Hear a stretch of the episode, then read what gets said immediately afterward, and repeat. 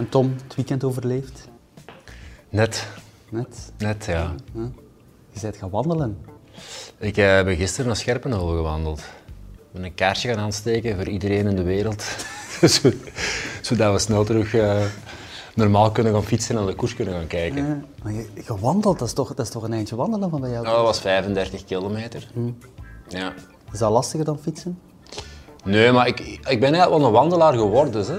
Ik ben er echt van verschoten ook zo, zoals zoveel mensen uh, in die coronatijd. Uh, best veel beginnen wandelen en vaak alleen ook zo, dat ik mijn kop zo wat kan leegmaken. En uh, ja, ik had dat dan eens ergens gezien, Mol Scherpenheuvel. Dat is ook een, een, een bordje dat bij ons in het bos in geel bel hing. Dus ik was dat dan zo beginnen uitzoeken. Ik zeg, ah, shit, dan kunnen eigenlijk wel best eigenlijk 90% van de tijd door het bos naartoe gaan. Ah, okay. Ik had dat zo wat beginnen tekenen en dan uh, de woensdag ben een kameraad van mij met de kinderen naar de speeltuin geweest uh, op Zilvermeer. Mm -hmm. Ik zeg, willen we dat het weekend eens gaan doen, want ze geven goed weer. En dan zijn we gisteren geweest. Je hebt toch naar de koers gekeken Ik heb, ik heb gezorgd dat ik op tijd terug was Ah, en ik heb de laatste 25 kilometer gezien. Dus ik heb wel Mathieu zijn, uh, zijn raid niet, niet helemaal meegemaakt, maar wel de laatste 25 kilometer. Mm -hmm. Maar goed, je zit hier weer. Voor Kuren durf ik dat nog riskeren. Voor Kuren, dat begrijp ik helemaal, semi-klassieker. Maar we zitten hier weer in uh, Vitesse, prachtige koffiebar. Ja. Met die geweldige fietsen die hier uh, hangen en uh, lekkere koffie. Uh, want het is uh, weer een nieuw seizoen. Hè. Het is weer koers, dat is uh, de naam van onze podcast. we gaan hier elke week zitten, de komende tijd wel. we zitten hier niet alleen, ook mijn collega wielernerd Maxime Goethals. Ik mag jou toch zo noemen, hè Maxime? ja, nerd vind ik een zwaar woord, maar bon, in dit vakgebied tolereer ik dat nog. Ja, maar jouw computer staat er ook bij. Hè. Dus als, Ja, als- als we gegevens nodig hebben, statistieken, data, dan, uh, dan vind je dat daar wel allemaal ook een nerd kent niet alle data uit zijn hoofd. hè, dus. Dat is goed. Maar laten we beginnen. Het was een, uh, een druk, mooi openingsweekend hier uh, in België. Er valt dus wel wat te, te vertellen. Zaterdag wint Davide Ballerini de omloop. Zondag Mats Pedersen. Kuurne-Brussel-Kuurne. We hebben het zo meteen wel even over die twee gasten. Maar we moeten het toch vooral over... uh, we kunnen er niet omheen. Hè, over uh, Julian Alaphilippe hebben, de wereldkampioen. En ook over Mathieu van der Poel. Want die hebben toch al meteen een stempel gedrukt. Laten we beginnen met zaterdag, de omloop. Alaphilippe. Tom, toen uh, Alaphilippe aanzette op uh, de Berendries, dus Ja. nog vrij vroeg in de finale. Wat, wat dacht je? Ja, eerlijk gezegd, eh, renners zoals Alaphilippe en eh, Mathieu van der Poel, dat zijn sowieso altijd sleutelfiguren in een koers. Ehm, het is niet alleen in hun eigen team dat die de, de rolverdeling bepalen, maar ook eigenlijk eh, andere ploegen die hun tactiek gaan aanpassen aan dat soort renners. En ik denk op het moment dat Julien in eh, de omloop de koers openbrak, want dat was, dat was echt de, Ja, hij maakte de koers, finale hè? open, Ja. open, oh, openbreuk, hoe moet je dat noemen. Toen hadden ze de koers echt in handen. Ehm, ik denk dat de valpartij van Stibar het allemaal ietsjes bemoeilijkt heeft. Eh, ik denk wel niet dat hij tot aan de aankomst had gereden, want de, wind stond blijkbaar daar toch wel in het nadeel. Er was niet veel wind, maar dan, Mhm. als het met het nadeel stond, was het nog niet voordelig natuurlijk. Maar dat laat het toch weer zien dat die mannen daar eigenlijk een, ehm, een tactisch meesterstuk kunnen tentoonspreiden. Dat lijkt in één keer dat alles verloren is, want ze pakken die mannen dan terug. Eh, oei, Quickstep, waar zijn ze nu? Maar dan komt Lampaard terug, Stibar komt terug, die mannen komen gewoon allemaal terug aansluiten en eh, die bereiden je sprint voor zoals dat het in, eh, in staat. ja, iedereen zit er nog, hè, van Florian Seneschal Ja. Tot uh, ja, Stibar uiteindelijk Dan, dan. uh, dan hebben we over Seneschal nog niet gepraat, Nee. op zich hadden die daar twee man die de koers konden winnen. Hè. ja. Als Had het, Seneschal- hadden ze het omgedraaid, had hij ook gewonnen. Voilà, als de rol omdraaien, zeker op die aankomst. Het is toch wel een redelijk technische aankomst, eh, waarin dat je, als je aan de leiding rijdt of de sprint goed kunt lanceren met twee, drie man, altijd in het voordeel zit. Want je zit met die een bocht, dat, dat stropte er allemaal wat op. Allee, die mannen moeten dan nog extra in de remmen gaan en zo. Dus ook daar weer, hè, ze maken weinig of geen fouten. Hè. Ze, ze hebben een plan voor ogen, ze voeren dat tot in de perfectie uit. Zelfs al gaat dat mis, dat eerste plan, of plan A, zal- laat ik het noemen, dan komt plan B in, Ja. eh, in, in relatie en, En dan, dan maken ze het toch af. Ja, het is dat. Dus de- op dat gebied ehm, hebben ze weinig nog te leren en ehm, zeker in die Vlaamse koersen niet. Ja. Maar we hebben het nu over eh, de Koning Quickstep. Maar laten we toch nog eventjes teruggaan naar Alaphilippe. Waarom doet hij dat zo vroeg openen op die Berendries? Gelooft hij daar op dat moment dat hij kan winnen? Of niet? Ik denk niet zozeer dat hij daar ehm demareert om daar alleen voor op te geraken en de koers te winnen op die manier. Maar ik denk wel, ja, iedere helling die zich aandient, eh, waarop dat de, de aanloop lastig genoeg is geweest, en je hebt het gevoel van ik kan hier nog voor een schifting zorgen, ja, je zou gek zijn dat je het niet doet. Hè. Dus ik weet nu niet uh, hoe dat de samenwerking tot op dat moment was, want dat lijkt dan soms wel allemaal vlot te gaan, maar soms is er al eens ruzie geweest en merkte zo van oké, er is vier, vijf man dat niet wilt meerijden of zo. Dat hem gedacht heeft van ik voer hier de forsing, we rijden met twee, drie man weg en ik heb twee ploegmaats achteraan, die zitten in een zetel. En die kunnen dan rustig afwachten. Wat ja, want dat heeft hij gezegd. Hè. Ik wil eigenlijk Ballerini in de zetel naar de finish brengen. Dus ik denk dat het eerder in die insteek was dat hij zoiets had van uh, dit is mijn moment, hier kan ik het verschil maken, dit is een helling die mij ligt. Ik rij hier weg en dan up, hebben we de, de, kaarten nog eens geschud en dan zien we straks wel uh, hoe dat we het proberen af te werken. Maar het is toch wel een serieus risico, hè? want ik vraag me bijvoorbeeld af, Alexander Christophe, in de laatste kilometer heeft hij mechanische pech. Als dat niet gebeurt, kan het eventueel toch nog anders of was Ballerini te sterk? Nee, nee, een sprint moet altijd gereden worden. Hè. Je, kunt, uh, je kunt de sterkste zijn in de sprint en de snelste zijn in de sprint en toch verliezen. Dus uh, sprint moet altijd gereden worden. Dus dat is iets dat we nooit gaan weten wat er had gebeurd als Christophe had kunnen meesprinten. Ik denk zeker dat ze aan elkaar gewaagd zijn uh, na zo'n koers zoals zaterdag. Maar um, ja, als je de sprint van Ballerini bekijkt, betwijfel ik het een beetje, want het was indrukwekkend snel. Um, heel goed voorbereid. Um, omdat je, als je dat met twee ploegen gaat proberen te doen, dan wordt dat al wat moeilijker. Dus dan had er toch wel ergens weer iemand geweest die te lang in de wind had gereden. Was dat dan Christophe of Ballerini geweest? Ja, dat zullen we nooit weten. Maar in koers heeft het weinig nut om te spreken over zaken die niet gebeurd zijn. Als en zou, ja, voilà. ja, voilà. Dus er zijn er duizend verhalen na zo'n wedstrijd. Hè. Die, had die daar niet lekker gereden, als die bar daar niet valt, als dit of dat. Dat is niet zo, dat is niet zo. We gaan gewoon moeten kijken naar wat we gezien hebben en uh, de feiten op tafel leggen. En dat is dat Ballerini gewoon de snelste was van die groep op die moment met de renners dat erbij waren. Davide Ballerini hij verrast misschien toch wel. Heeft hij jou ook verrast? 26 jaar, hij is niet meer van de allerjongste. Wat mogen we nog van die jongen verwachten? Uh, ik ben er heel grote fan van eigenlijk. Het is een type renner dat ik, uh, dat, dat, ik wel kan pruimen, laat me zeggen. Het is, het is, een hele sterke gast die dat ook enorm snel is, die massasprints kan winnen, makkelijk massasprints kan winnen. Die geen schrik heeft van de Vlaamse koersen, die zijn hart ook een beetje verloren heeft aan, uh, aan Vlaanderen, zoals een naamgenoot van weleer. Het is, het is wel geen familie, maar... Um, het is een iets andere renner dan de, de vroegere ballerini, zal ik zeggen, maar het is wel iemand waar dat je als, als ploeg uh, door zijn snelheid en door zijn, zijn weerbaarheid op dat soort parcoursen eigenlijk altijd kunt rekenen. En ik denk dat het iemand is die er nu staat en immer zal weggaan voor de Vlaamse klassiekers. Mm -hmm. Een beetje een vast speelfiguur gaat worden binnen die ploeg. Um, en uh, ze hebben er twee, drie man die snel zijn aan de aankomst. Ballerini is er momenteel denk ik de snelste van. Uh, naast Seneschal, Lampard kan ook finishen, Stibar kan eigenlijk ook finishen. Iedereen kan daar finishen. Ja, maar het is, het is een verschil tussen ja, ja, de massasprint kunnen winnen of, of, of snel zijn. Ja. Um, dus als je dan een figuur zoals ballerine erin hebt, dan is dat pakketje compleet. Hè. Dan kun je eigenlijk kun je tien, tien plannen of tien scenario's uh, voor opstellen, waar je altijd wel ergens een manier hebt om die koers te winnen. Mm -hmm. Maxime, Davide Ballerini, kan je die even kaderen? Ja, Wat heeft hij al gewonnen? Ja, hij zit ook in de goede flow. Hij heeft dit jaar vijf koersen gereden, vier in de Provence, waar, dat, waar hij twee ritten wint dan nog. Uh, een andere rit waar hij tweede is daar ook. Uh, en de vierde rit ja, was op de Ventoux, daar, dat, dat is niet echt zijn, zijn terrein. En dan nu de omloop, ja, dat is zijn vijfde koers van het jaar, dat is de derde die hij wint. Dus ja. ja. Op dit moment de man van, uh, de sterkste man in het peloton, eigenlijk. Hè. Ja, de man van het seizoen tot nu toe. Hè. Ja. Er zijn nog niet veel wedstrijden geweest. We zitten weer al in een speciaal jaar. Er zijn niet veel helaas. mogelijkheden. Ja, helaas, nogmaals.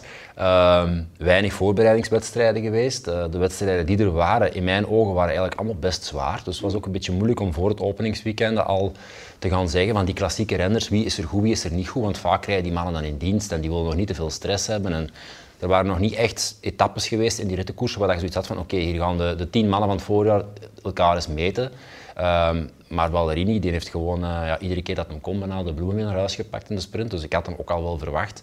Maar dan toch nog altijd met zoiets van hmm, we, gaan nog, we zullen wel zien. Hè. Ja. Openingsweekenden is meestal zo de eerste keer dat ze allemaal alle kaarten op tafel leggen. En uh, hij heeft mij heel aangenaam verrast. Hij heeft eigenlijk gedaan wat ik uh, hoopte dat hij ging doen. Mm -hmm. alle, hij... alle, kaarten op tafel, zeg je.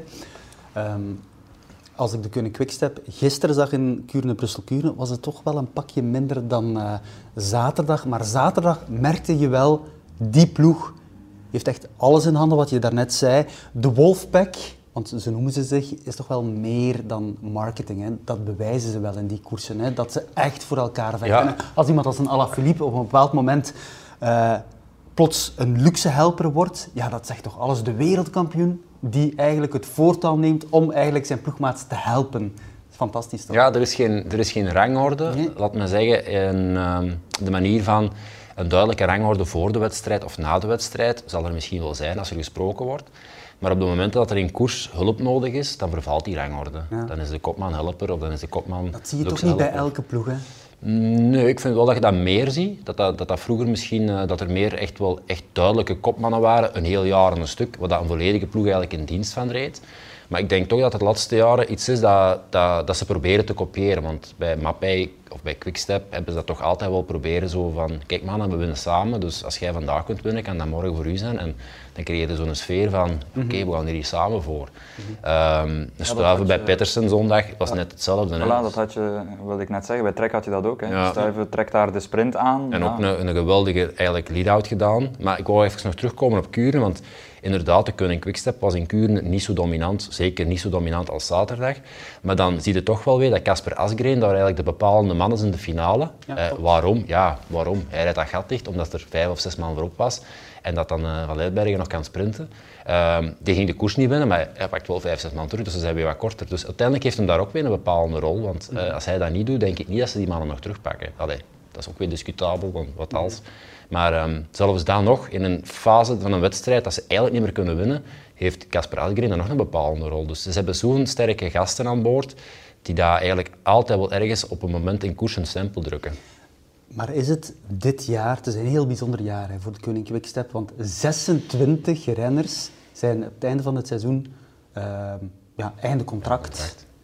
Dat is wel heel veel. Hè. Voel je dat als renner? Kan jij dat zeggen? Ben jij ooit uh, einde contract geweest uh, op een bepaald moment? Uh, ja, iedereen is ooit wel oh, ja, einde contract. Wel, ja. Anders had ik nog gekoerst. Hè. Ja? Nee, maar... Echt? Nee, nee, ik bedoel het jaar dat je stopt, dat is sowieso einde contract. Ja, dat ik, heb, ik, wel, heb, maar... ik heb meestal wel um, langdurige contracten gehad, -huh. tot de laatste twee of drie jaar en toen was het altijd jaarlijks. ik moet zeggen, ik voelde daar niet echt per se meer druk van, maar ik denk als je met 26 mannen zit, die in datzelfde schuitje zitten. En ja, er zijn ook nog andere ploegen waar dat veel renners vrijkomen. En ja, sommige gasten zijn wel vervangbaar. Hè. Dus ik denk wel dat dat Wil je je als renner dan laten zien, iets meer, jouw marktwaarde de hoogte injagen? Er zijn twee soorten renners. Er zijn renners die dat je eigenlijk een contract voor tien jaar kunt geven en die altijd presteren. En er zijn renners die alle jaren eigenlijk een contractje van één jaar nodig hebben om gemotiveerd en om die, ja, die hebben die druk nodig. Uh -huh. um, dat is voor iedereen verschillend. Dus uh, 26 is heel veel. Um, en ik, uh, ik, neem ook aan dat er die niet alle 26 gaan kunnen blijven. Nee, nee. Maar wordt het niet moeilijk voor Patrick Lefevre om hen allemaal in het gareel te houden? Om eigenlijk te blijven vechten voor elkaar? Um, ik denk dat niet persoonlijk. Ik denk dat je als renner uh, veel meer laat zien uh, het welk hout dat je gesneden bent als je dat dan wel blijft doen. Dus in het gareel blijft lopen. Het is niet echt in het gareel lopen, maar die, die spirit, die, uh, die spirit van samen gaan voor een overwinning. Uh, dat is wel ik, belangrijk. Ik denk dat dat veel meer uh, aantrekkingskracht heeft dan zo individualisme in een ploeg. Maar die gaan nu proberen van de kantjes eraf te rijden en toch voor hun eigen maar een prijsje te gaan, gaan mee te pikken. Ik zie niet in waar dat een meerwaarde dan ligt voor die renner. Natuurlijk, ja, als je, als je een prijs in het geval van Seneschal bijvoorbeeld wel een klassieker wint of je wint hem niet, ja, dat is een andere discussie. Maar echt die pure helpers, puur sang, denk niet dat die mannen daar uh, anders door gaan koersen. Maar Lefevre heeft al gedreigd eigenlijk. Hè? Hij, vergelijkt het met bijvoorbeeld in 1993. Uh, hij zei van ja, in 1993 gingen we naar Sanremo met Mario Cipollini als kopman. Chmil was net voordien tweede geworden in Tirreno Adriatico. Dus Lefevre had aan André Chmil gevraagd van ja, zie je het zitten om te werken voor Mario? En uh, Chmil zei nee, daar heb ik geen zin in. En dan heeft Patrick simpelweg gezegd oké, dan ga je niet mee naar Milan Sanremo, punt. Dus hij kan ook wel de marktwaarde doen kelderen van die coureurs. Dus op die manier duwt hij hen toch wel in het gareel, duwt hij hen toch ja, wel in zijn, de wolfpack. Dat is ook zijn taak. Hè? Nee, nee, maar het is wel straf Patrick dat, moet zorgen. dat je ook op die manier moet nadenken als ploegmanager. Ja, voor mij is dat de meest logische zaak van de wereld. Dat je ja. probeert uh, um, je functie te vervullen. En dat wil zeggen, als Patrick de week voor zo'n wedstrijd merkt van... En die weet dat veel beter dan wij dat weten, want die hoort langs alle kanten binnen de ploeg wat er, wat er speelt. Um, dat kan niet een probleem worden. Dan kan hij natuurlijk handelen. Hè. Uh, hij kan een selectie maken, hij kan ze kraken, hij kan zorgen dat je rijdt of dat je niet rijdt. Dus als jij van nature uit iemand bent dat heel moeilijk heeft met gezag en autoriteit en probeert om altijd maar toch je eigen ding te doen, dan heb je echt niet, geen plaats bij, bij Patrick in de ploeg. Dan, uh, dan... Heb jij dat ooit gehad? Problemen met gezag? nee, wij, wij hebben eigenlijk altijd... Ik, ik denk in al die jaren bij, bij de ploeg dat wij één of twee keer, ik en Bettini dan, uh, eens een discussie hebben gehad. En dat was dan meestal in de Vuelta, hè, want we waren dan allebei voor het WK ja, ja. aan het knallen en proberen zo snel mogelijk een rit te winnen en om die selectie achter ons te krijgen. Want dan moet je rijden voor een andere selectie, dat is voor de mhm. Belgische selectie, dus je moet laten zien dat je goed bent. En toevallig hadden we dan soms altijd wel eens een ritje of twee dat ons allebei lag. Ah, maar voor de rest eigenlijk nooit, nee. nee. Oké. Nooit. De Koning Quickstep, oké, die hebben we geanalyseerd, maar laten we het eens uh, hebben over die andere topper. Gisteren Kuurne, Brussel Kuurne. Het was de show van uh, Mathieu van der Poel. Hè. Indrukwekkend toch wat hij doet. Ja, speelt dan. Hè. Speelt dan. Dat is echt zo, hè? Ja, je kunt dat niet anders noemen. Maar is dat... Toen hij vertrok op 85 kilometer van de streep, dacht ik, als dat een normale coureur is, zou ik zeggen, jongen, dat is echt dom wat je eigenlijk doet. Maar bij hem, ja, je weet nooit, wie weet kan hij het toch nog afmaken, maar eigenlijk ging het hem daar niet uh, over hem. Het ging hem daar niet om, hij wou niet per se winnen. Ik denk wel dat hij het, dat hem het uh, initieel heeft gedaan om te kijken wat er ging gebeuren. Van kijk, ja, ik kan gaan en niet zo van ik kan hier demareren en ik kan zo lang mogelijk voorop rijden omdat ik hier wil trainen. Ik denk wel dat hij zoiets had van je weet nooit en mhm. we zien wel. Uh, dat is met Mathieu altijd het geval, die doet nooit niet zomaar iets.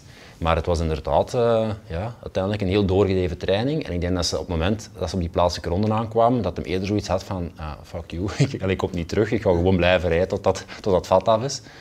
Um, dat siert hem. En um, dat laat ook zien dat hem, uh, dat hem heel veel honger heeft wat er nog komt. Klinkt wel een beetje denigrerend, hè? een doorgedreven training ten opzichte van ja, het peloton dat dan wel daarachter moet rijden en echt knallen om dat proberen dat gat te dichten. En dat, dat lukt dan niet tot anderhalve kilometer voor de finish. Dat is, wat, wat hij doet, Mathieu van der Poel, tart toch wel bijna ja, de verbeelding eigenlijk. Ja, je zou het eigenlijk moeten vragen aan de mannen dat erachter zaten. Hè? Want het, het, lijkt soms ook wel indrukwekkend dat dat is. Hè? Ik bedoel, die mannen vooraan die rijden even hard als die mannen achteraan die op kop aan het rijden zijn. Maar die mannen die op kop moeten rijden achteraan, dat zijn ook niet de grote mannen. Hè? Dat zijn de mannen die nog meezetten, zeggen mannen controleert dat wat, houdt dat een beetje binnen schootsbereik. En uiteindelijk knallen ze er ook naartoe in het laatste. Op het moment dat er één echt goede gaat, rijden ze het ook dicht. Ja. Dat maakt die, die uh, inspanning niet minder indrukwekkend. Maar het is vooral die mentaliteit dat hem dat laat zien van nee, ik ga er gewoon alles aan doen. Prijs of niet prijs, ga ik niet terugkomen. Mhm. Dus ik denk als je dat aan die mannen gaat vragen achteraan, op zich kan dat wel zijn. Die zeggen het viel eigenlijk wel mee. Ja, dat weet ik niet, ik zat er niet tussen. Maar mhm. um, dat is de koers natuurlijk, hè. Dat, dat maakt het zo mooi. Uh, het feit dat hij het wil doen, hè, want hij moet zich daar niet op 85 kilometer van de meet uh, laten zien. Het feit dat hij dat wil doen en een hele mooie wedstrijd heeft uh, laten zien aan iedereen, dat, dat, dat doet het uiteindelijk voor. Hè. Daarom kijken we graag naar de koers. Mhm. Ja, het feit dat ze hem terugpakken op anderhalf kilometer wil ook zeggen dat ze het onder controle hadden. Hè. Als ze, zich, allee, als ze hem niet, niet meer binnen schot hebben, dan pakken ze hem niet meer terug. Maar ze hebben het 80 kilometer lang kunnen controleren. En oké, in het begin was dat verschil drie minuten, maar dat bleef dan op het einde 20 seconden. En als, als ze moesten terugpakken, pakten ze hem terug. Ja. Asgreen rijdt inderdaad dat laatste gat echt. Voor zijn landgenoot eigenlijk, achteraf gezien, voor Pedersen. Maar allee, ze hadden het denk ik wel onder controle, maar allee, ja, het blijft wel Van der Poel. Dat is geen, je zei het, geen, dus een, een normale coureur doet dat niet, maar Van der Poel is ook geen, op dit moment toch geen normale coureur. Dus, Ik denk dat hij vooral toch en dat zei, hij, dat zei hij mij ook achteraf in de, in de mixzone bij de interviews. Hij was toch vooral bezig met die koersen die er aankomen. Oké, dat is dan praat achteraf. Natuurlijk hoopt hij ook om te winnen, om, om daar te scoren. Maar het was toch vooral met de bedoeling om uh, nog wedstrijd, harde wedstrijdkilometers in de benen te hebben. daarom heeft hij daar gereden in Kuurne. Ja, ja, ik volg dat helemaal. Ik, uh, ik wil het niet constant over mezelf hebben, maar ik heb in 2006 in Waregem ook eens Achter wie was dat weet ik? Frederik Veugel of zo die toen won. Een vroege vlucht, 10 minuten weg. Ja, daarachter, die koers was voorbij, er ging niks meer gebeuren. Uh, toen heb ik uh, met Kevin van Impe er ook nog denk 80 kilometer tussen gereden. We zijn op 30 seconden gekomen, we zijn net teruggepakt in de sprint en hij won nog. Maar dat is, dat is ook niet met een insteek van ah, oké, we knallen er hier naartoe. En dat is ook van, je wilt, je wilt toch nog iets aan die wedstrijd overhouden. Hè? En als dat een wedstrijd is waar je je goed in voelt en je voelt van oké, ik kan hier uh, met nog een uur of twee echt vol een bak te knallen, in het rood te gaan, nog verbeteren naar de volgende dagen toe. Dan is dat altijd beter dan gewoon in het peloton te blijven zitten en uh, alles souplesse naar de aankomst te rijden. Ja. Dus het is wat je er zelf van wilt maken. En als je voelt, ik heb dat nog nodig en ik kan dat, doe dat dan gewoon. Dus het is gewoon voor de koers en uh, je gaat er waarschijnlijk de vruchten van plukken volgende week. Ja, voilà, dat wou ik zeggen. Hè, want hij, hij heeft die wedstrijdkilometers wel nodig. Hè. Dat, Ja. dat zegt hij zelf. Normaal gezien ja, reed hij in de woestijn, maar hij is naar huis moeten komen met de Ja. ploeg door, eh, door corona. Dus ik denk dat hij op die manier zichzelf eh, gewoon aan het plan houdt. Wel een beetje aangepast, eh, want normaal gezien zou hij nog duizend kilometer extra gereden hebben daar in de Emiraten. Maar op die manier kan hij dat toch een beetje recupereren. Ja, ik denk het dat het vooral de, de, de inspanning in de duur is die het hem nog wilt Ja. eh, creëren. Ik denk eh, in de UAE-tour had hem dat sowieso gekregen. Dat was heel veel wind, veel waaiers-etappes. en eh, dan heb je natuurlijk altijd wel stukjes van twee uur, twee uur en een half dat je echt eens tegen die begrenzer aan zit. Hij komt uit een crosswinter, dan begin je aan duurtrainingen gaan te doen. En dan hoopte natuurlijk in die competitie zo, die, die blokken van, die heel lange blokken in zware inspanning, wat dan de finale van de klassieker is. Dat is gewoon drie uur op, op de begrenzer eigenlijk en dan nog eens erover. En, er, en ehm, dat heeft hem nu proberen te stimuleren volgens mij, met het oog van, eh, op wat er komt. Ja, volgende week Strade Bianchi, maar hij Ja. heeft eerst nog eh, de grote prijs van Mijn ook. Ja. Hè? Dat, eh, dat kan ook Ja. helpen nog. Ja, absoluut. Eh, ik denk dat het eh, een heel mooi uitgestippeld programma is in een huidige context. Dus de wedstrijden die er nog zijn, eh, die, die pakt hem gewoon mee. Samijn is ook een koers die dat hem heel goed ligt. Dus ik denk dat hij daar, eh, ik weet nu niet wat weer dat ze geven morgen, maar als er wat wind durft staan, dan is dat ook altijd wel een indrukwekkende koers. Dus ik denk niet dat hem iets gaat tekortkomen. Ik denk dat de klassiekers eh, stuk voor stuk net op tijd gaan zijn. Mhm. Het is wel een rode draad hè, dit weekend. Alaphilippe die eh, vroeg vertrekt. Eh, gisteren Mathieu van der Poel die nog wel veel vroeger vertrekt. En dan gewoon doorperen en zien waar, waar het schip strandt. Hè. Dat is eigenlijk een beetje de samenvatting van, Van de twee dagen, ja. het, is inderdaad, het is gewoon heel hard gereden geweest in het algemeen. Ehm, het is ook niet dat je kunt zeggen van oh, er is een nivellering aan de top of zo. Nee, de toppers zijn gewoon nog altijd de toppers. Maar je merkt wel, eh, als de omstandigheden er zijn en het is, het is goed weer, er was niet te veel wind, dat dat peloton toch wel echt moeilijk uit elkaar te rijden is. Eh, hoeveel keer hebben we een beeld gezien dat dat drie groepen lag en alles op de lint, t- 20, 30 meter tussen, 50 meter tussen al de volgende bocht. Dus het is keihard echt zo het moment geweest dat je dacht van nu gaat het ontploffen. Want dan kwam dat toch terug samen. En dus ja, iedereen heeft, eh, heeft voldoende honger, denk en ook voldoende plichtsbewust momenteel om te beseffen van ja, er zijn geen zekerheden. Hè. We zijn nu aan het koersen, dus laten we er vandaag het beste van maken. Want volgende week is weer al een onzekerheid. Hè. Er is al sprake nu, Strade Bianchi is al een beetje onzeker. Dus Code rood nu in Ja, Italië het kan, eh, het kan van de ene dag op de andere kant, kan het weer gedaan zijn. Hè. Of alleen niet al de wedstrijden, maar er gaan waarschijnlijk nog wedstrijden sneuvelen. Zoals Parijs-Roubaix vorig jaar. Laat ons hopen van niet, maar het is gewoon zo. Ze moeten nu iedere dag dat ze kunnen koersen gewoon vol gaan. Ik mag er niet aan denken eigenlijk. Nee, ik ook niet. Ja, goed. Laten we het daar niet over hebben. Nee, maar de Strade Bianchi inderdaad, zaterdag. Ik kijk er wel hard naar uit. Ik hoop dat die eh, doorgaat, want daar gaan we eigenlijk eh, weer eh, de clash zien hè, tussen de grote drie. Hè. Want Wout van Aert begint daar dan ook aan zijn seizoen. Intussen is hij gewoon aan het trainen, hè, Maxime. En hij doet dat op een redelijk indrukwekkende manier, denk ik. Ja, eigenlijk wel. Hè. Hij, hij postte gisteren op Instagram eh, een fotootje van eh goede harde training eh, achter de rug op Tenerife, op de, op de tijden, op de berg waar heel veel renners naartoe trekken. Is daar met de ploeg geweest, Roglic was daar ook. Hij heeft daar veel met Tobias Vos getraind, zag ik op Strava, ook een, eh, jonge klimmer. En ja, de hoogtemeters die Van Aert daar gedaan heeft, eh, zijn eigenlijk terug ja, tamelijk indrukwekkend. Ik heb zijn laatste twee dagen, dus gisteren tijdens Kuurne, het was voor Kuurne, maar eh, 135 kilometer gereden, 3500 hoogtemeters. Gemiddelde van 27,5 per uur. Zaterdag dan 143, bijna 4000 eh, hoogtemeters. 28,6 gemiddeld. En ja, de laatste week rijdt hij 810 kilometer. Voor meer dan 20.000 eh, hoogtemeters. Dus het is duidelijk waar hij terug naartoe wil. Hè. Vorig jaar ook heel veel op hoogte getraind. En ik denk als dat het- hetzelfde resultaat geeft als vorig jaar, dat we, ja, we weten allemaal wat dat, eh, wat dat kan brengen. Hè. En als Van Aert die, die supercompensatie heeft, zoals eh, veel renners altijd van spreken, als hij die zaterdag opnieuw heeft in de strade, dan ben ik benieuwd wat we, wat we krijgen tussen de, de drie groten. Mhm. Is dat een goede voorbereiding volgens jou, Tom? We gaan het zien, hè. Ik, ik, ik weet Maar het hoe niet. schat jij dat in? Ehm, het, is, het is sowieso speciaal. Eh, er, zijn, er zijn dit weekend nog renners gestart zonder competitie. Ik denk dat dat voor heel veel gasten gewoon een unicum was om het openingsweekend. eh, kan- kandidaat winnaars, hè. Maar er zijn er die dat bewust ook doen. Hè? Ja, dat ja, ja, ja. Benoot Dus- of zo, heel bewust. Ja, eh, het is, er zijn momenteel twee soorten voorbereiding. Dus de oldschool voorbereiding, Allee, dan ook beperkt nu, want er is niet veel competitie geweest. De mensen die gaan gewoon trainen, doen hun stages en die beginnen aan hun seizoen. En dan zijn er de gasten nu die zeggen van, ja, ik doe mijn stages met de ploeg mee en dan vertrek ik op hoogtestage en ik ga mijn eigen daar heel specifiek voorbereiden. Ehm, ik heb me vroeger ook soms afgevraagd wat het beste is. Ik weet ook niet dat je echt competitie nodig hebt. Ik denk wel niet voor de Ronde van Vlaanderen dat je dan wel je paar dagjes competitie nodig hebt en dat je toch wel zo het gevoel van moet hebben. Maar een coureur, Maar koersen. ja, ik ben ook van die mening en eh, ik heb het nooit geprobeerd, maar ik heb het me wel ooit afgevraagd. Want je kan dat toch niet simuleren? En ik denk dat je eh, het nerveuze gedoe Ja, in een koers, een keer duwen, een keer trekken, een keer juist, dat, dat, in een training heb je dat niet. Nee, en je hebt dat feeling. toch nodig om dan top te zijn in die momenten dat je er wil staan. Of misschien ben ik... Ja, nee, ik, ik, ik had dat ook wel. Dat je dan toch zeker het, het, gevo- het koersgevoel, en dan heb ik het niet zozeer over het, eh, het gevoel in de wedstrijd van dat wringen en zo. Oké, dat kunnen een dag of twee, drie zijn er er terug mee weg. En dat kan de eerste dag ook al goed gaan. Maar het zijn zo die, eh, op training zullen altijd wel je inspanningen kunnen doen, zoals dat ze voorgeschreven zijn. Maar je hebt zo, hetgeen wat ik er straks ook zei, zo, je hebt dat niet.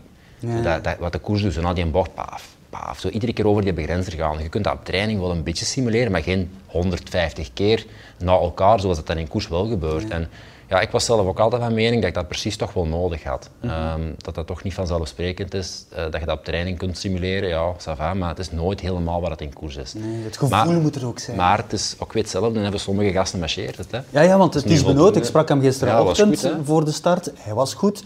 was Eh, In goed. de omloop eigenlijk ook. Hij is goed. Hij heeft wel geen ploeg rondom eh, hem. Maar ja, hij voelt zich daar wel comfortabel bij. Ja. Hij gelooft blindelings in de manier van...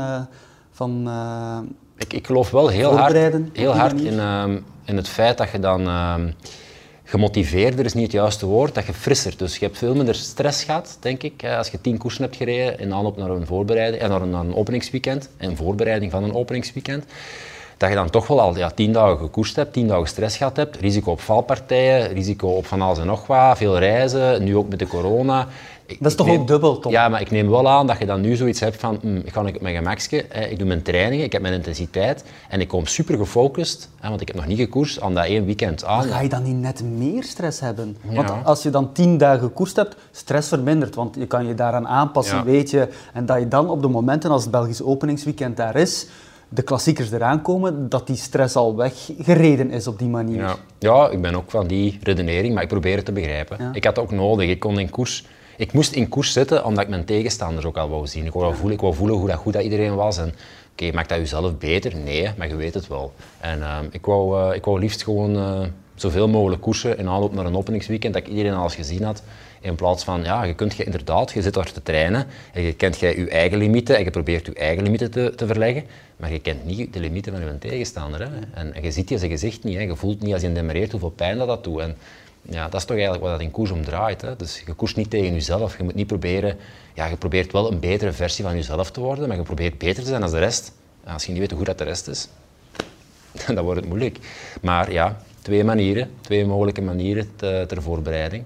Oké. En ik denk dat we daar op een kruispunt in zitten, ook in de geschiedenis. want Dat wordt meer en meer gedaan nu. Vroeger was dat iets van rondrenners. Nu, de laatste jaren wordt dat veel meer gedaan door iedereen. Eh, het is echt een voorbereiding op hoogte voor een specifieke periode in een seizoen. Eh, en ik denk dat dat nog meer gaat gebeuren. Ik denk dat er veel minder koersen kan gereden worden nog in de toekomst. Laten we het nu eens hebben over eh, de Belgen. We hebben het al gehad over, eh, even over Wout van Aert, maar die heeft toch niet gekoerst. We hebben het al gehad over de koning Quickstep, Mathieu van der Poel, maar nu over de Belgen. En we gaan dat doen samen met de ene Johan Museeuw. Ja, behalve Wout van Aert zijn er natuurlijk nog wel eh, andere Belgen in het peloton. Volgende week begint eh, Wout eraan, maar eh, iemand die dit weekend alle Belgische renners nauwlettend in de gaten heeft gehouden is Johan Museeuw. Dag Johan, Hallo. genoten van het openingsweekend? Ja, eigenlijk wel. Ehm, anders, dan, anders dan uiteraard, door de omstandigheden, maar we gaan daar niet blijven over op terugkeren. Ehm, ik heb vooral genoten van twee Charles. Hè. En die Charles, dat is Alaphilippe en eh, Mathieu van der Poel. Ja. Dat was indrukwekkend, zag ik. Ehm, natuurlijk, als ex-renner zit je dan te kijken en weet al op voorhand dat dat niet het juiste moment is om te gaan, dat dat veel te vroeg is. En dat die naar eh, verlies rijden. Maar zwart, het was mooi, gedurfd. Eh, alleen vind ik het jammer als je die benen hebt, dat je dan een omloop en een kuurne Brussel kuurne ja, een beetje weggeeft. Oké. Maar het is mooi, het is gedurfd. Het is op naar meer voor de komende weken. Oké, maar laten we nu even kijken naar eh, de Belgen. beginnen bij uh, Trek Segafredo, Jasper Stuyven, Edward Teuns, maar vooral Jasper Stuyven. Wat, wat is jou opgevallen, Johan? Ja, die ploeg was uh, zaterdag nergens. Hè. En, ja, er was ook niet echt een verklaring voor. Uh, ze hebben ook die bladzijde onmiddellijk kunnen om. Oké, we hebben goed getraind, dat is niet weg. We gaan vandaag een keer erin vliegen. Wel, invliegen was niet het juiste woord, maar ze hebben wel de sprint gewonnen met Matt Pedersen. Hij heeft een goede layout gedaan. Uh, Jasper Stuyven, dus perfect. ja, er is eigenlijk maar één plaats die telt, en dat is de eerste. Was het de sterkste die won? Nee. Was het de sterkste ploeg? Nee. Mhm. Maar wat wel opviel, het was wel, er was wel een duidelijke rolverdeling en dat is wel al anders geweest in het verleden. Ja, ja weet, ze hebben in het verleden al eens die ploeg op twee paarden gespeeld en ik ben nooit een voorstander geweest om op twee paarden te spelen en, en altijd maar uit te wisselen van een verschillende sprinter. Jasper is ook snel, eh, maar Pedersen vind ik dan net iets sneller en iets met meer zekerheid om naar de mee te gaan op winst. Uh, het is ook een, denk ik, toekomstgericht had hij ook meer koersen winnen dan uh, Jasper Stuyven, denk ik persoonlijk. Mm -hmm. uh, dus zou ik dan ook zeggen van oké, okay, we gaan met die renner naar de meet en we gaan voor die ene renner. En ja, die, die layout dat je moet doen, die, die laatste man die super belangrijk is, als je telkens wisselt van man, dan wordt dat telkens ontregeld en dat mogen we niet doen. Was opvallend wel, hè, Tom, die rolverdeling, dat zat wel goed hè?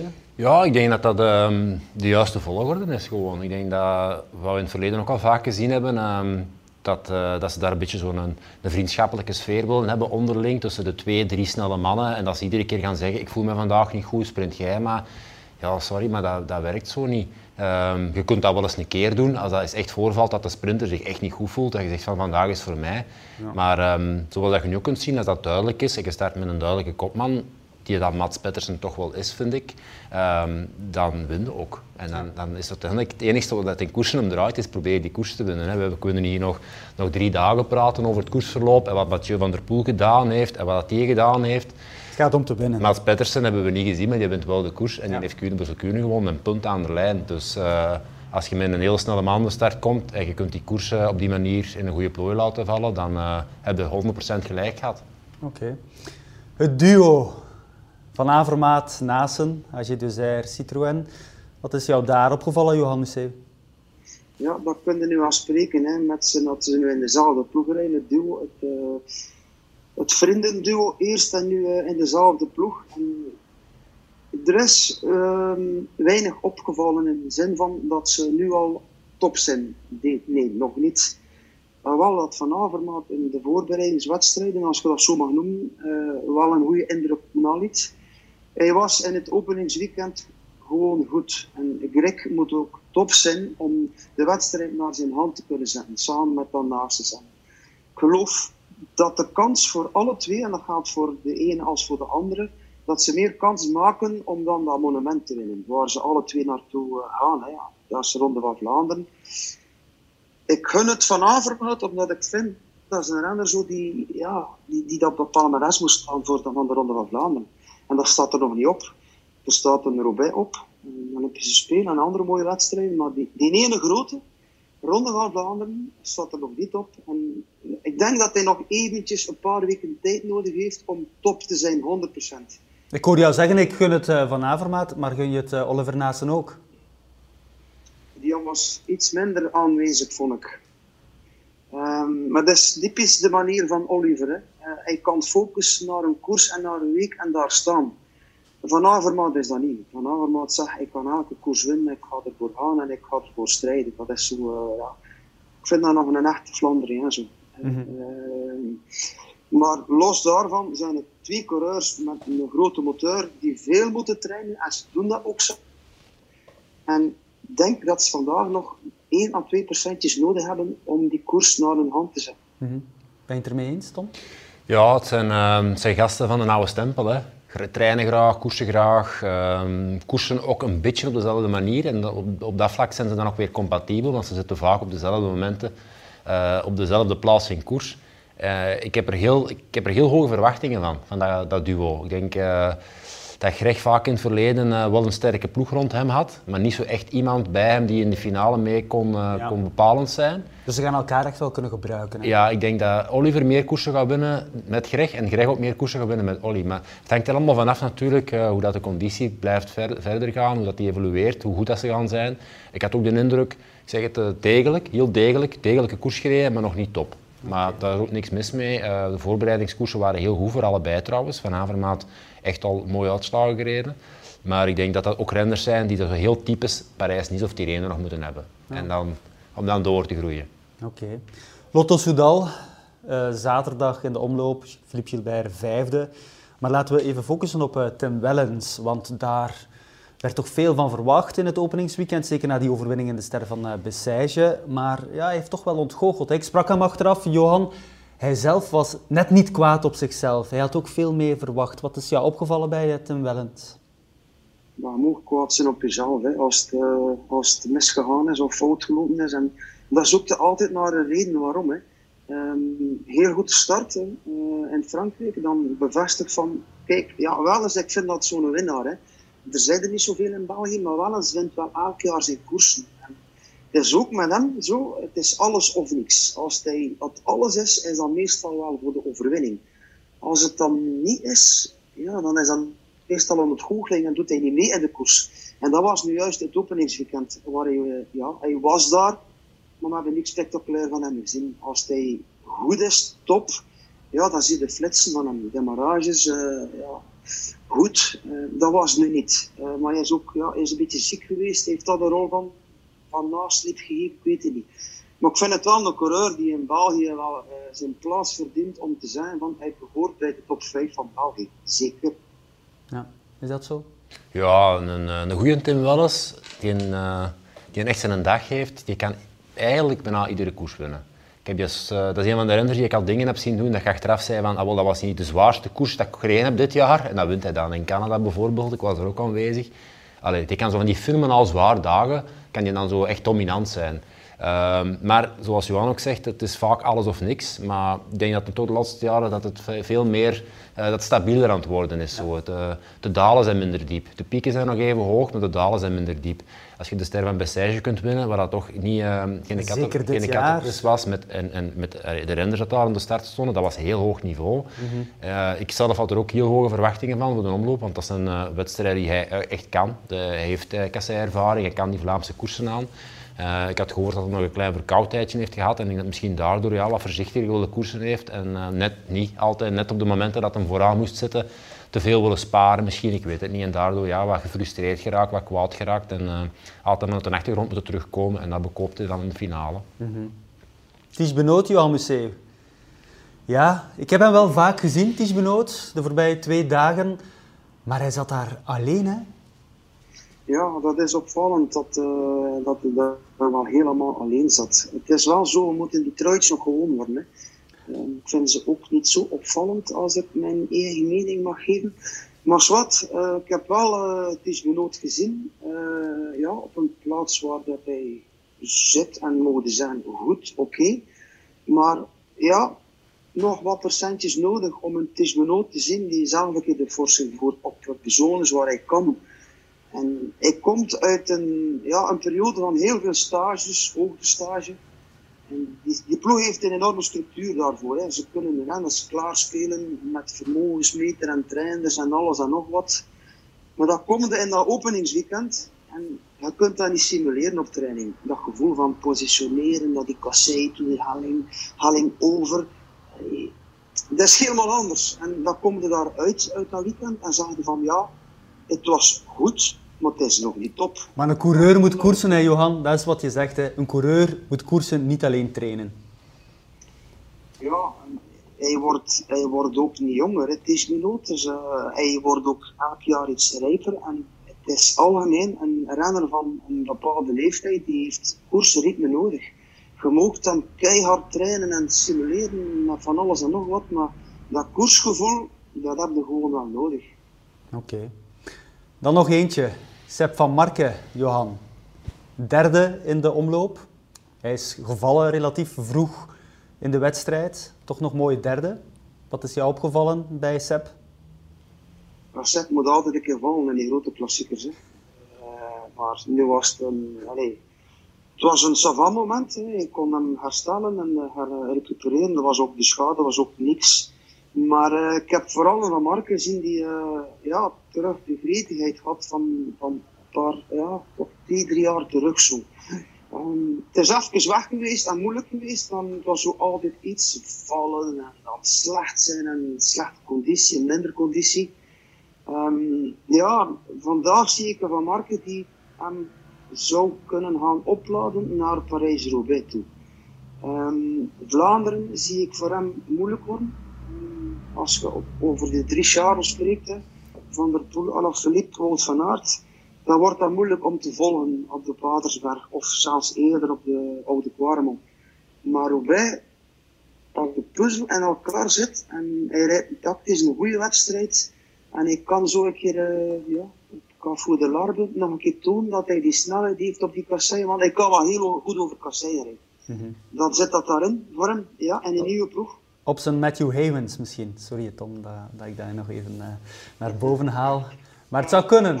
Die is, dan, die is dan niet weggereden. Die is daar niet weggereden, dat is waar waar. Die konden nog in de sprint op het einde. Goed, Johan, dat is duidelijk. Um, hoe is het met jou eigenlijk en jouw uh, kilometers op de fiets? Want je ziet er eigenlijk nog heel strak uit, nog altijd. Ik heb een, een, hele goede maand achter de rug. Ik heb daarom een klein beetje mijn conditie naar beneden gaan. Dus, uh, Echt? Soms, zit, soms zit er nog te veel in, in dat vel van een, van een renner te denken. Dat, dat doe ik niet meer, hè, maar toch. Uh, ik fiets heel graag en nog veel. En ik heb even de 14 dagen weer uh, mijn conditie naar beneden laten gaan. Iets meer rode wijn gedronken en iets meer vettige frietjes gegeven. -huh. Maar de Leeuw van Vlaanderen blijft de Leeuw van Vlaanderen. Hè? Dat blijft zo. Hè? Ik fiets hier ja, en ik vind het vooral weer dat, dat het openingsweekend weer van start gaat. Want je zit te kijken naar televisie en wordt veel betoond naar die koersen die ervoor zijn. Uh, maar dat openingsweekend, dat is heel wat anders. Hè. Die beleving van het parcours, die hellingen. Alleen ja, jammer dat we niet mogen gaan kijken, maar dat komt wel goed. Ooit komt het weer helemaal goed. Voilà. Merci Johan. Tot snel hè. Salut beiden. Dag.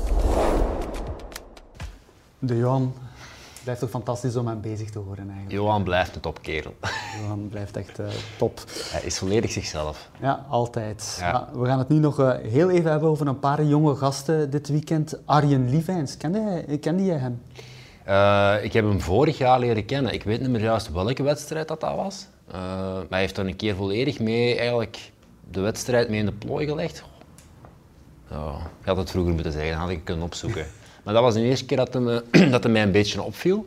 En uh, ik heb de indruk dat hem, uh, ja, dat hem er terug staat, dat hem, dat hem echt uh, aan het timmeren is aan de weg. En ja, geen gewone smurf eigenlijk. Hè, want nee, nee, nee. hij gaat mee op momenten dat het echt hard gaat, met grote namen, dat je denkt van hoe zit... En makkelijk. Ja, ja, hoe zit, hoe zit die kerel er nog tussen? En ja. Het is niet zo van, ah, we zijn in het begin van de wedstrijd weggereden met 20 man en ik was eens mee. Nee, nee, hij gaat mee op momenten dat het hard gaat, ja. met de goeie. En petje af. Mm -hmm. Hij valt op, hè. Mooie toekomst. Met zijn truiken. Ja, geel, ja. Bingo Wallonie. ja, mij is ook uh, Jake Stewart opgevallen. Hè. Tweede in de omloop, zaterdag. Uh, jonge Brit, pistier eigenlijk van uh, opleiding. Hij sprint daar toch mooi naar een, naar een tweede plaats. Um, hij was ook al goed, begin van het seizoen. Is, wel een, is een jongen met talent ook. Um, en ja, heeft vorig jaar denk ik de ronde ook al eens gereden, is moeten afstappen, maar hij heeft dat ook vorig jaar wel al wat laten zien, ook in de limousine en zo was hij, was hij goed. Dus um, ja, toch eentje om in het oog te houden. Hij heeft bij de jeugd ook in Parijs-Roubaix was hem eens achtste, Gent-Wevelgem is op het podium, dus het is wel jongen met potentieel, ja, denk ik. Er zit, uh, zit een beetje momentum in. Er zit wel iets in, ja. Afwachten. Okay. Ja. En dan is er ook nog één, uh, Tom Pitcock, hè. Ja, ja, daar moeten we denk ik niet meer van, uh, van opkijken. Hè. Dat hij daar ook weer uh, op het podium staat uh, gisteren. Ja, die jongen is vierde op het WK veldrijden. Dan rijdt hij zijn eerste echte volwaardige seizoen bij de profs bij het grote Ineos Grenadiers. En dan ja, direct deliveren, zoals ze in het Engels zeggen. Hè. Direct de derde in, in Kuurne. In een en, sprint met toch grote mannen. En zaterdag eigenlijk een van de... Ja. Allee, waarschijnlijk de tweede of de derde sterkste ja. in koers. Ja. Voilà, dus. Wat mogen we van hem verwachten dit seizoen, Tom? Ik heb er echt geen idee van. Nee, waarschijnlijk uh, hebben ze daar in de ploeg uh, ook niet echt een idee van. Ik weet niet waar dat zijn limieten liggen. Uh, zoals we gezien hebben, zijn die wedstrijden van 200 kilometer al geen probleem meer. Ik denk ook niet dat het uh, op beslissende fases in die wedstrijden dat hem ergens ja, iets minder is dan de rest van de grote mannen dan. Dus ik denk dat zijn mogelijkheden echt wel nu al capabel is om, om, om, een grote koers te winnen. Ik weet niet welke, het is, het is voor hem en voor ons allemaal een beetje koffiedik kijken. Maar uh, ik zou er niet van verschieten als je in dit jaar al een grote koers moest winnen. Mm -hmm. Het zou zomaar kunnen, inderdaad. Zo net niet, net niet de, misschien de allergrootste koers, maar zo'n Brabantse ja. Pijl, zo, ja, ja, zo, koersen die dus, dus op zijn maat gesneden. Een, een, koers van een, een 200, allee, de, de, de, de mid klassiekers, klassiekers zo, tot met een, een, een, zware beslissende finale, wat hem een verschil kan maken, absoluut wel, ja. Uh, het is alleen nog afwachten, ja, hoe goed kan hem die een extra afstand aan, ik weet het niet. Het is voor hem denk ik ook gewoon zo'n jaar waar het hem eens gaat proberen en kijken uh, hoe ver dat hem komt of waar dat schip strandt. En uh, dat hem dan gaat kijken, ja, wil ik dit gaan doen? Ga ik op de weg rijden? Ga ik, ga ik hier echt al mijn aandacht en energie in steken? Kan ik die koersen aan? Kan ik de Ronde van Vlaanderen winnen? Kan ik misschien de Luik Bastenaak winnen? Ik weet het niet. Dus een beetje afwachten en uh, voelen en tasten denk ik dit jaar. Misschien de muur van Hoei ook hè? Ja, inderdaad. Perfect ja. is voor hem hè? Mm -hmm. Onze podcast zit er bijna op, maar ik wil toch nog een aantal dingetjes kort aanraken. Tom, Gisteren, eigenlijk eergisteren ook, zag ik heel veel renners terug uh, op uh, de buis naar beneden rijden, die supertuck. Vanaf 1 april is het verboden. Wat vind jij daarvan, dat dat verboden wordt? Te belachelijk voor woorden. Dat is eigenlijk alles wat ik kan zeggen. Dat slaagt nergens op dat je dat zou verbieden. Dus, uh, ik heb dat zelf ook heel veel gedaan. Dat is veiliger dan dat je gewoon op je fiets blijft zitten. Je, hebt, je zwaartepunt komt, komt lager te liggen. Dus je fiets is veel hanteerbaarder, je bent veel minder gevoelig aan wind, aan, aan windstoten. Als je er achter een rotswand achteruit komt in een afdaling, je bent veel minder compact, dus alles is, je bent compacter, veel minder oppervlakte. Dus alles is eigenlijk makkelijker te controleren en dan in één keer is dat de, het grote probleem van de koers bij de UCI en moet dat verboden worden. Het toont nog maar eens aan dat de UCI eigenlijk echt niet van deze planeet is. Ik denk dat ze wel andere problemen hebben dan iemand die op zijn buis gaat zitten om een bergafje te pakken. Mm -hmm. dus het... het... is echt niet onveilig. Het slaagt nergens op dat dat als onveilig wordt. Voorbeeldfunctie, zeggen ze. Maar het is niet onveilig. Dus waar gaat die voorbeeldfunctie dan over? Het is niet onveilig. Het is, het is veiliger als je, als je op een fiets zit en je zit gewoon op je zadel en je hebt je handvaten vast. Heel je lichaam is wind, dat is een zeil. Dus je bent veel meer afhankelijk van windstoten en, en dat is veel lomper te controleren als je een afdaling moet insturen met al dat gewicht van boven. Als je dat compacter maakt, je hebt veel minder oppervlakte, dat zwaartepunt komt naar buiten. Je fiets is veel, veel hanteerbaarder. Je kunt sneller gaan en waar gaat het in koers toch over? Dus, dus, we zijn over, over een topsport bezig, een competitie bezig. Hè. Dat is alles benutten wat je hebt om zo snel mogelijk te gaan. Hè. Mhm. Dus ja, natuurlijk ga je dan op je buis zitten. Dat scheelt soms 5 à 10 per uur dat je daar eh, gratis door krijgt. En het is niet onveilig. Vraag het aan iedere renner in het peloton. Heb je je ooit onveilig gevoeld omdat er iemand op zijn buis gaat zitten? Ik denk dat uh, unaniem het antwoord nee gaat zijn. Okay. Maar daar wordt een punt van gemaakt door de UCI en dan in één keer is dat uh, het grootste probleem dat de koers momenteel heeft. Ja, het is een beetje absurd. Als je vorig jaar zitten ze allee, te, te, te, te jennen over die kousjes die te lang zijn, uh, in tijdritten bijvoorbeeld ook. Hè. Dat mag dan niet, dat moet dan een bepaalde lengte hebben. Nu is het over op, het, op de buis zitten en, en van die ja, details eigenlijk waar de renners eigenlijk alleen maar uh, kwaad door worden, dat ze daar ook moeten beginnen op letten. Terwijl ik zag deze week beelden uit uh, Ardèche, daar zijn ook twee Franse koersen gereden. Ja, en daar rijdt plots een, een wagen uh, in een afdaling, die rijdt gewoon in de tegenrichting, tegen het peloton in. Dus die mannen moeten allemaal uitwijken daarvoor. Was het geen brandweerwagen? Of een brandweerwagen, ja het, ja, het was inderdaad een brandweerwagen, maar allee, op zich, zo'n dingen gebeuren dan nog altijd in de koers. Maar als het gaat over pietluttige details als ja. op je buis naar beneden rijden of je sokken die 10 mm te lang zijn. Ja, de enige redenering die ik kan brengen is dat dat echt gewoon is om een aandacht af te leiden van hun eigen incompetentie. Ja. Dat is gewoon van, ah, we gaan over iets beginnen waar dat iedereen dan over gaat beginnen zagen en muggenziften. Terwijl dat ze gewoon, ik vind dat UCI is echt nummer van deze tijd. Het is gewoon een nummer van deze tijd. Er zijn zoveel grotere problemen in de koers die daar echt uh, om veiligheid draaien. En dat wordt dan ja, even over gepraat als er nog eens een ongeval gebeurd is. En dan vergaat dat weer hè, in de tijd. En dan hebben we weer genoeg koersen gehad waar dat niks gebeurd is, dat dat weer, weer overgaat. Maar die worden nooit echt aangepakt. Hoe lang praten we daar nu al over? Hoe lang zijn ze daar nu al over bezig? En dat is iedere keer, iedere keer opnieuw. uh, ja. Patrick Lefevre die daar zo op hamert, Richard Ploegen van Jumbo-Visma, die mannen die echt een voortrekkersrol willen spelen in alles wat met veiligheid te maken heeft in de koers. En dat je dan ja, ziet dat de UCI zich blijft verliezen in van die Maar veiligheid, details. kost, veiligheid kost geld. Ja. Iemand verbieden om op zijn buisgang te zitten, dat kost geen geld.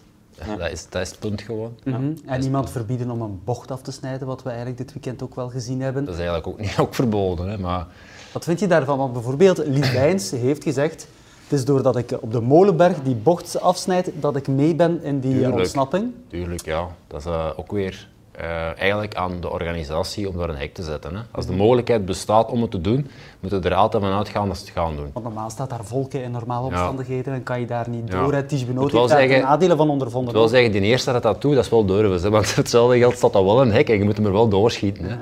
Maar ehm, ja, als je in de koers, eh, als de mogelijkheid bestaat om ergens te rijden waar je voordeel uithaalt, gaan ze dat altijd doen. En dat is ook puur menselijk en ook niet gevaarlijk of zo. Maar het is gewoon, het mag eigenlijk niet meer. Hè. De voetpaden en eh, het afsnijden en noem maar op, dat is allemaal verboden terrein geworden. Dus ja, maar ik begrijp wel dat je daar in koers aankomt en ze schieten allemaal naar links. Ik kan ook niet als enigste blijven rechts rijden en, en 80 plaatsen kwijt zijn op die moment. Want dat is waarschijnlijk het kritieke moment van de koers. Oké, ik heb het gevoel dat we hier kunnen blijven eh, praten, maar goed. Het is weer koers, de podcast is eh, afgelopen. Volgende week maandag zijn we weer terug met een eh, nieuwe podcast. Ook weer met eh, Tom Bonen en Maxime. En wie weet kunnen we dan praten over een fenomenale overwinning van Wout van Aert. Want waar hoop jij op, Tom? Nog één, als we even vooruitblikken op de strade. Wie, wie verwacht je daar?